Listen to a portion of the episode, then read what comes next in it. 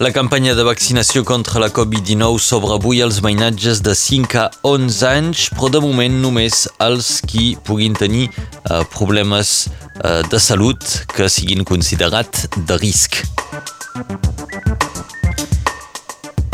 I dels més de 65 anys, si encara no heu fet la, la, la dosi de reforç del vaccí contra la Covid, doncs avui el pas sanitari ja no serà vàlid. Us donem més detalls sobre aquesta novetat doncs, que entra en funcionament avui mateix.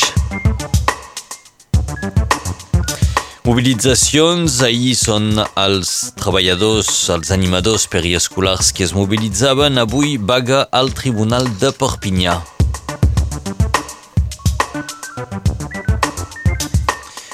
També us parlarem del director de teatre català Sergi Belbel, guanyador del Premi Sant Jordi, i Emmanuel Macron serà entrevistat avui a la televisió amb una entrevista de dues hores als, uh, als partits que també seran presents a l'elecció presidencial. Els candidats a l'elecció reclamen doncs, que el CSA desconti el temps de paraula a Emmanuel Macron.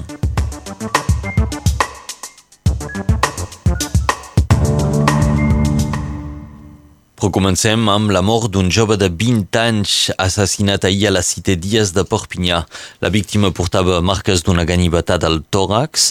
Malgrat els esforços dels bombers, la víctima no va poder ser reanimada. L'autor de l'homicidi va ser identificat ràpidament i està sent recercat per la policia que ha obert una investigació. La Covid-19 va fer una víctima de més ahir a l'Hospital de Perpinyà. Des de l'inici de l'epidèmia han mort 447 persones a Catalunya Nord.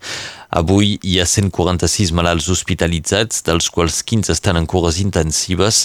La taxa d'incidència torna a pujar amb 688 casos positius per 100.000 habitants. Cada dia a Catalunya Nord es detecten 471 casos positius.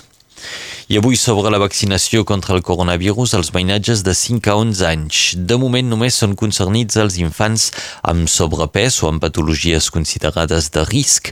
El govern francès encara espera el vistiplau de l'alta autoritat de la salut i del Comitè Consultiu Nacional d'Ètica per proposar la vaccinació per a tots els infants de 5 a 11 anys. I una altra novetat avui per la fi de la validesa del pas sanitari pels majors de 65 anys que no hagin rebut encara la dosi de reforç contra la Covid-19 és a dir, un, un reforç que s'ha de fer sis mesos i cinc setmanes després de la darrera injecció. Per la població de més de 65 anys serà el 15 de gener quan serà obligat tenir la tercera injecció per poder conservar el pas sanitari. També recordem que avui els majors de 65 anys, els no vaccinats i les persones prioritàries es poden fer vaccinar en qualsevol centre sense haver de prendre cita. Un centenar d'animadors periescolars van manifestar ahir al centre de Perpinyà per denunciar les males condicions de treball que pateixen al dia a dia. Salaris baixos, temps parcials o encara manca de personal, les queixes són diverses. Com a conseqüència de la mobilització, ahir moltes escoles es van quedar sense animadors per poder rebre els alumnes a les cantines i a les guarderies. Una jornada de vaga al Tribunal de Perpinyà avui. Els magistrats, advocats i altres treballadors del tribunal reclamen més mitjans. A Perpinyà, com arreu de l'estat francès, avui es convoquen concentracions davant dels palaus de justícia i s'espera que la majoria d'audiències siguin ajornades. Aquestes mobilitzacions volen alertar sobre les males condicions de treball que obliguen a jutjar ràpid i malament o que doncs pot ser jutjar bé, però en terminis que són considerats inacceptables. Aquesta mobilització es produeix després de l'obertura dels estats generals de la justícia que van començar el passat 18 d'octubre i haurien de portar propostes de reformes del món judicial el pròxim mes de febrer. L'any 2021 haurà estat marcat de nou per la crisi sanitària amb conseqüències diverses, socials, econòmiques i evidentment també polítiques. Dues eleccions importants han destacat aquest any, les departamentals i les regionals.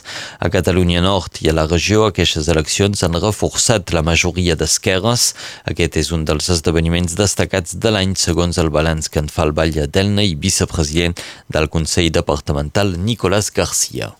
Puc anotar que mm, l'esquerra ha guanyat les dues eleccions importants que hi ha hagut al 2021, el departament que bueno, tothom deia que el Front Nacional eh, hi entraria, que la dreta ja havia guanyat sense gas i competir, i avui eh, hi ha hagut majoria absoluta per l'esquerra, i a la regió també ha sigut una victòria per eh, l'esquerra que també s'ha sapigut unir per conservar aquesta regió esquerra. Això ha sigut. I després, jo que notaré pel 2021 és que el nostre departament pateix molt de, de, de l'atur i pateix molt de la pobresa, no? de la misèria de la pobresa, se pot dir. I doncs, una de les lliçons del 2021 és que la reivindicació que munta les empreses molt és eh, la reivindicació dels salaris. Tenim un departament i un país que no s'apaga prou la gent que la gent no tenen prou recursos per, uh, per viure i per gastar. Hi ha gent avui que entra a l'administració que cobra menys que les 1.200 eh, euros. Això és insuportable, és insuportable. I això és un tema de 2021 que no l'hem posat gaire endavant, ni, ni, ni la premsa, ni, però és un tema que se, se parla als carrers, se parla a les empreses, és uh, poder adquisitiu. És un tema fort de 2021 i ha de ser un tema molt més fort encara el 2022. Aquests són alguns dels principals fets polítics destacats de l'any 2021 per Nicolás García. El Vall d'Elna i vicepresident del Consell Departamental, d'altra banda, aquest final d'any acaba de ser elegit a la presidència del Centre d'Anàlisis Mediterrani Pirineus. L'autor i director de teatre català Sergi Belbel és el guanyador del Premi Sant Jordi que es va atorgar ahir al vespre durant la nit de Santa Llúcia, la festa de les lletres catalanes que organitza Òmnium Cultural. Aquesta ha estat la primera nit de Santa Llúcia en presència del president d'Òmnium Cultural Jordi Cuixart des del 2016, ja que a les quatre darreres edicions no hi havia pogut assistir presencialment perquè estava empresonat des de l'octubre del 2017. A Tarragona, un treballador d'una empresa de seguretat va ferir tres persones ahir amb una arma als locals de l'empresa on treballava. Les tres víctimes estarien en estat molt greu o fins i tot crític. L'atacant va fugir i va disparar de nou contra un agent dels Mossos durant la seva fugida. Finalment va ser arrestat pels Mossos en estat crític. Un desplegament policial com el que es va produir ahir a Tarragona no es veia a Catalunya des dels atemptats a Barcelona i a Cambrils del 2017.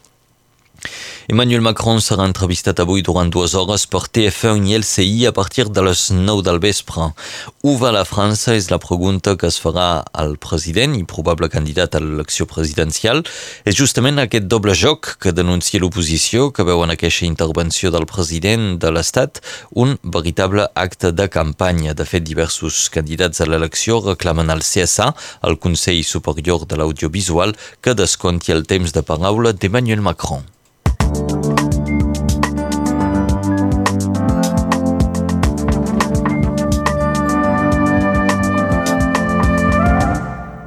Descobrim ara tota la informació del temps.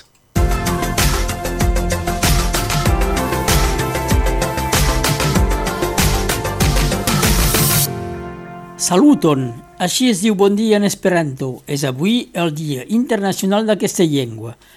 A nivell del temps, molta estabilitat per avui. Estem protegits per un bonic anticicló. La depressió es situa més al nord i, per tant, un cop passat la frescor matinera amb el sol generós i sense vent, tenim temperatures d'inici de tardor o de primavera. A part a muntanya de 600 metres d'altitud cap a baix, les màximes són homogènies al voltant dels 15 graus. 10 a Matamala, 9 a Targazona 15 a Serdinyà, a Eus, a Rigardà, a Santa Coloma, 14 a Tracera, 15 a Morellàs, 14 al Tec, 15 a Montescot, 14 a Cervera i Torrelles, 15 a Maurí. Allà, sobre les vinyes, el sol desapareix a 17 hores i 17 minuts. El 15 de desembre de 1966, a Chicago, mor Walt Disney. La rumor diu que va ser congelat. És fals va ser incinerat dos dies després de morir. El 15 de desembre de 2007 s'inaugurava el Museu Memorial de l'Exili a la Junquera. Avui és Sant Valerià i Santa Cristiana.